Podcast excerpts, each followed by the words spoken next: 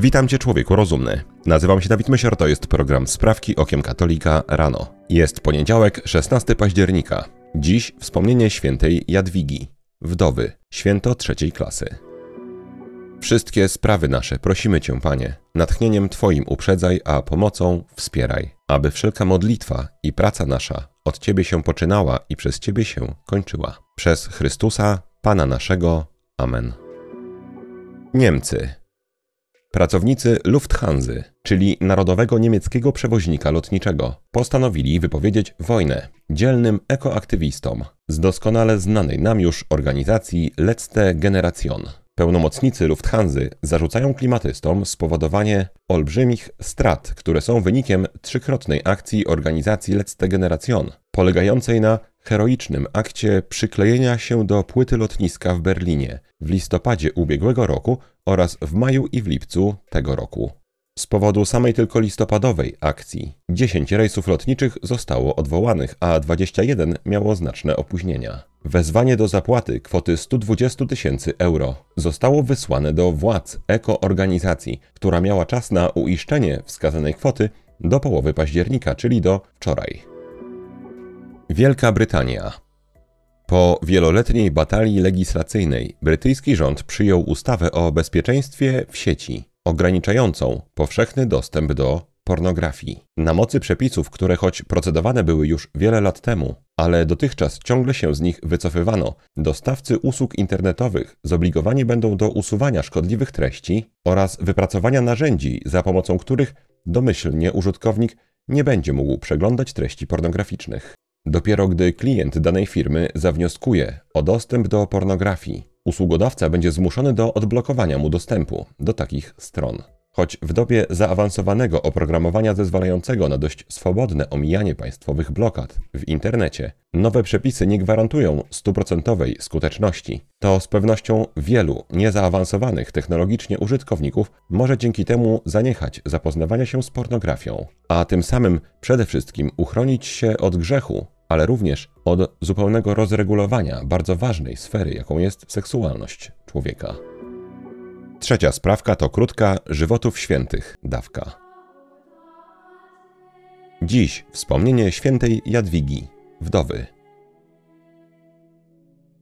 Jadwiga urodziła się pod koniec XII wieku w Bawarii jako córka hrabiego Bertolda VI i Agnieszki Wettyńskiej.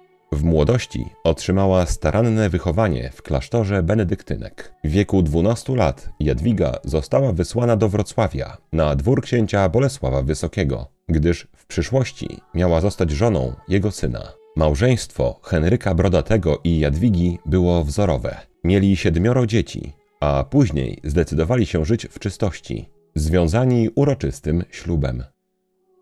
Po śmierci męża, a następnie syna, Henryka Pobożnego, Jadwiga oddała władzę w ręce swojej synowej i w wieku 34 lat wstąpiła do klasztoru cysterek w Trzebnicy.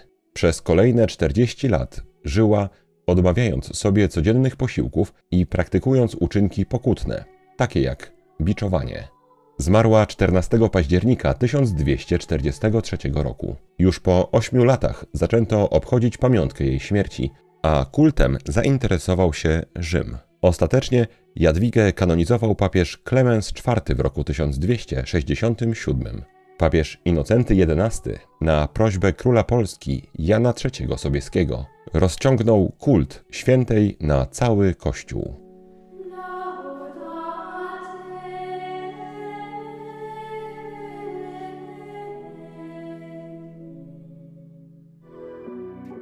Watykan Ambasada Izraela przy stolicy apostolskiej wystosowała żądanie do dyplomacji watykańskiej o skonkretyzowanie stanowiska w sprawie toczącego się konfliktu na Bliskim Wschodzie. W napomnieniu, jakie przedstawiciel Izraela przesłał do Watykanu, wezwano stolicę apostolską, by unikała dwuznaczności językowej, która mogłaby zrównywać strony konfliktu ambasadzie chodzi dokładnie o dwie wypowiedzi przedstawicieli Kościoła. Pierwszą papieża Franciszka, który powiedział, że z bólem śledzi niezwykle brutalną przemoc dziejącą się w Izraelu, oraz drugą autorstwa łacińskiego patriarchy Jerozolimy, kardynała Pierbatisty Pizzabali, który stwierdził, że Brutalność wystąpiła zarówno w ataku Palestyny, jak i w reakcji armii Izraela. Interesujące będzie, jak upomniany Watykan się teraz zachowa.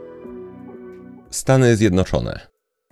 Wiceprezydent Stanów Zjednoczonych pani Kamala Harris wzięła udział w wiecu Partii Demokratycznej w St. Louis w stanie Missouri. W trakcie wydarzenia pani polityk odniosła się do obowiązujących w tym stanie przepisów chroniących życie poczęte. Pani Harris powiedziała: Gdy ktoś doświadczył przemocy wobec własnego ciała, naruszenia ciała, gwałtu, w stanie Missouri nie może podejmować decyzji o tym, co stanie się później z jego ciałem. To niemoralne. Pani wiceprezydent jest jednym z najbardziej proaborcyjnych polityków w kraju. Niedawno zaproponowała, by poszczególne stany nie mogły wprowadzać nowych praw chroniących życie, dopóki nie przeanalizuje ich Federalny Departament Sprawiedliwości. Pod rządami Partii Demokratycznej aborcja stała się czymś na wzór religii państwowej. Mauritius. Jak informuje portal Africa News, Sąd Najwyższy po 125 latach uchylił obowiązujące do tej pory na Mauritiusie prawo penalizujące akty homoseksualne. Obowiązujące dotychczas przepisy zostały wprowadzone w roku 1898 przez Wielką Brytanię, która wówczas zarządzała położonym na wschodnioafrykańskiej wyspie państwem jako swoją kolonią. Obecnie Sąd Najwyższy stwierdził, że wprowadzenie karalności czynnego homoseksualizmu pod koniec XIX wieku było rzekomo niezgodne z wartościami, jakimi żyli ówcześni mieszkańcy Mauritiusa. W uzasadnieniu sądu czytamy: Prawo nie zostało wprowadzone, by odzwierciedlić jakiekolwiek rodzime maurytyjskie wartości, lecz zostało odziedziczone po Wielkiej Brytanii jako część naszej historii kolonialnej. Zadowolenie z orzeczenia sądu wyraziła, co dość zastanawiające, Agencja ONZ do spraw zwalczania HIV i AIDS. Pewnie ma to jakiś sens. Ukraina. Pod koniec września Wszechukraińska Rada Kościołów i Organizacji Religijnych wystosowała oświadczenie potępiające kolejny haniebny projekt ukraińskiego parlamentu. Tym razem z inicjatywą ustawodawczą wyszedł poseł Jarosław Żeleźniak, który zaproponował legalizację przemysłu pornograficznego na Ukrainie. Jako uzasadnienie projektu wskazywano pomoc ukraińskiej armii w czasie wojny.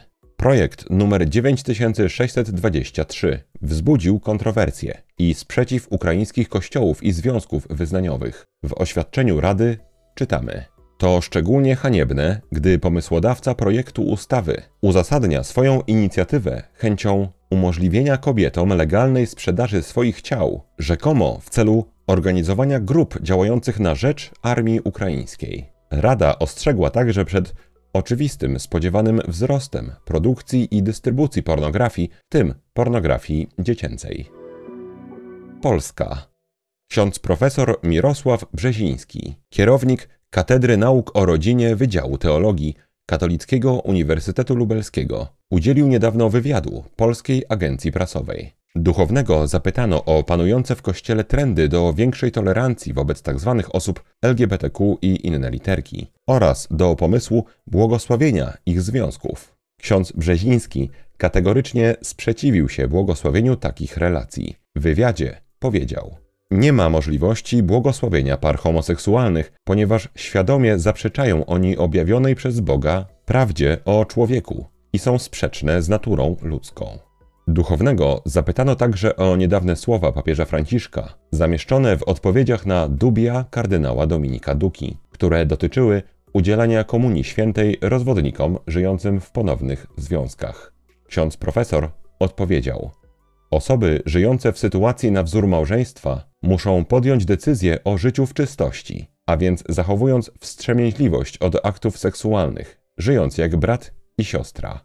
Do całkiem niedawna Krytyka działań modernistycznego Rzymu była domeną środowisk tradycjonalistycznych. Dziś opór wobec niekatolickiego nauczania płynącego niestety ze stolicy Piotrowej powoli staje się w Polsce częścią jakby katolickiego mainstreamu. Od tego, jak wiernie Polska będzie trwała przy niezmiennej katolickiej nauce, bezpośrednio zależy jej los. Ostatnia sprawka to krótka rozprawka.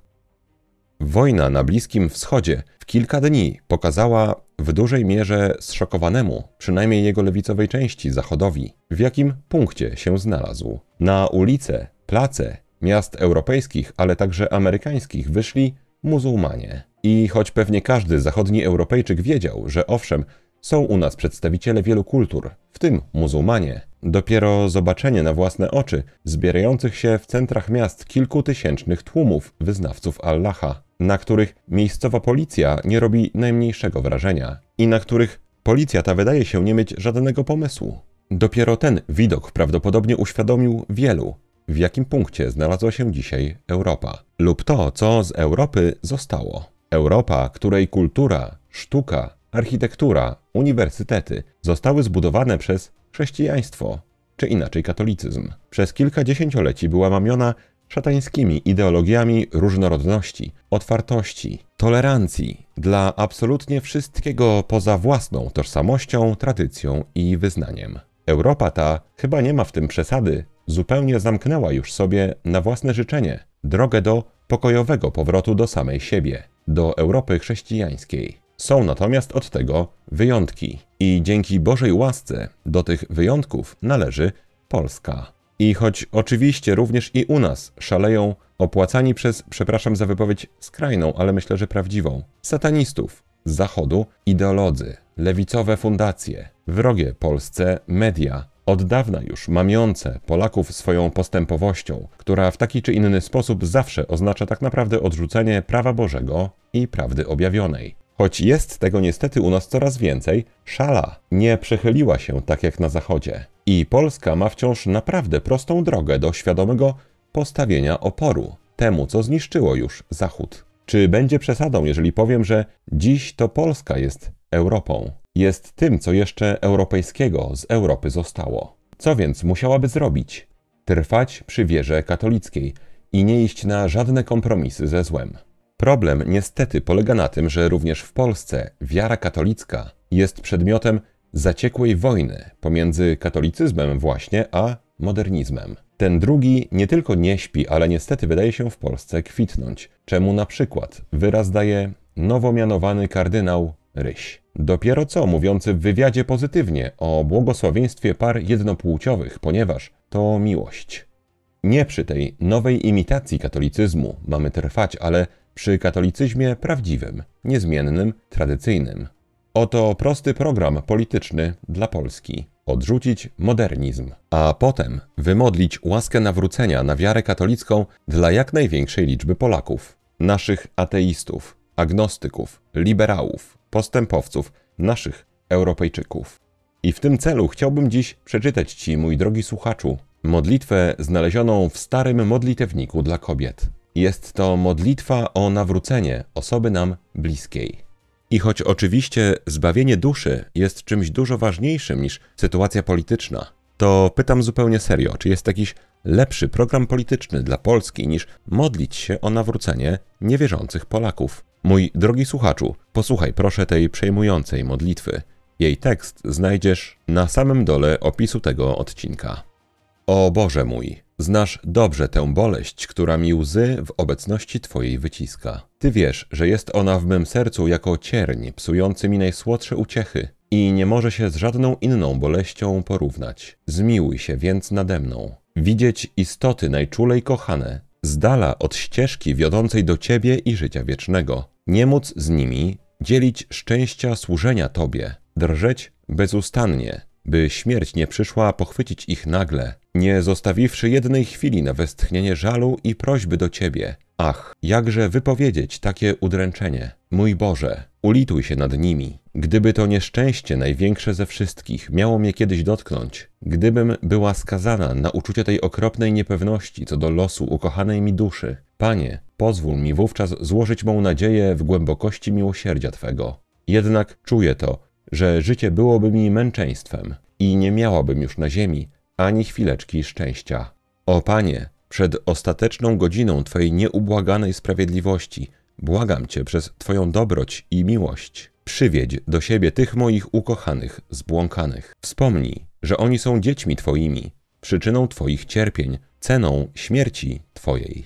Gdy Cię błagam o ich ocalenie, działam zgodnie z zamiarem Twojego odkupienia, jakżebym więc ufności mieć nie miała. Będę się więc spodziewać, a spodziewać, jeżeli tak potrzeba, nawet na przekór wszelkiej nadziei. Bo Pan jest blisko tych wszystkich, którzy Go wzywają, którzy Go wprawdzie wzywają. Spełni wolę tych, którzy się Go boją, wysłucha ich prośby, da im zbawienie. Zbawienie, o daj nam je, mój Boże. Spraw potem, co Ci się spodoba z naszym szczęściem i życiem. Zbawienie. O, niech je otrzymam dla mych bliskich ukochanych, dla siebie, dla nas wszystkich, mój Boże, byśmy mogli wszyscy śpiewać razem hymn Twojej wiekuistej chwały. Amen.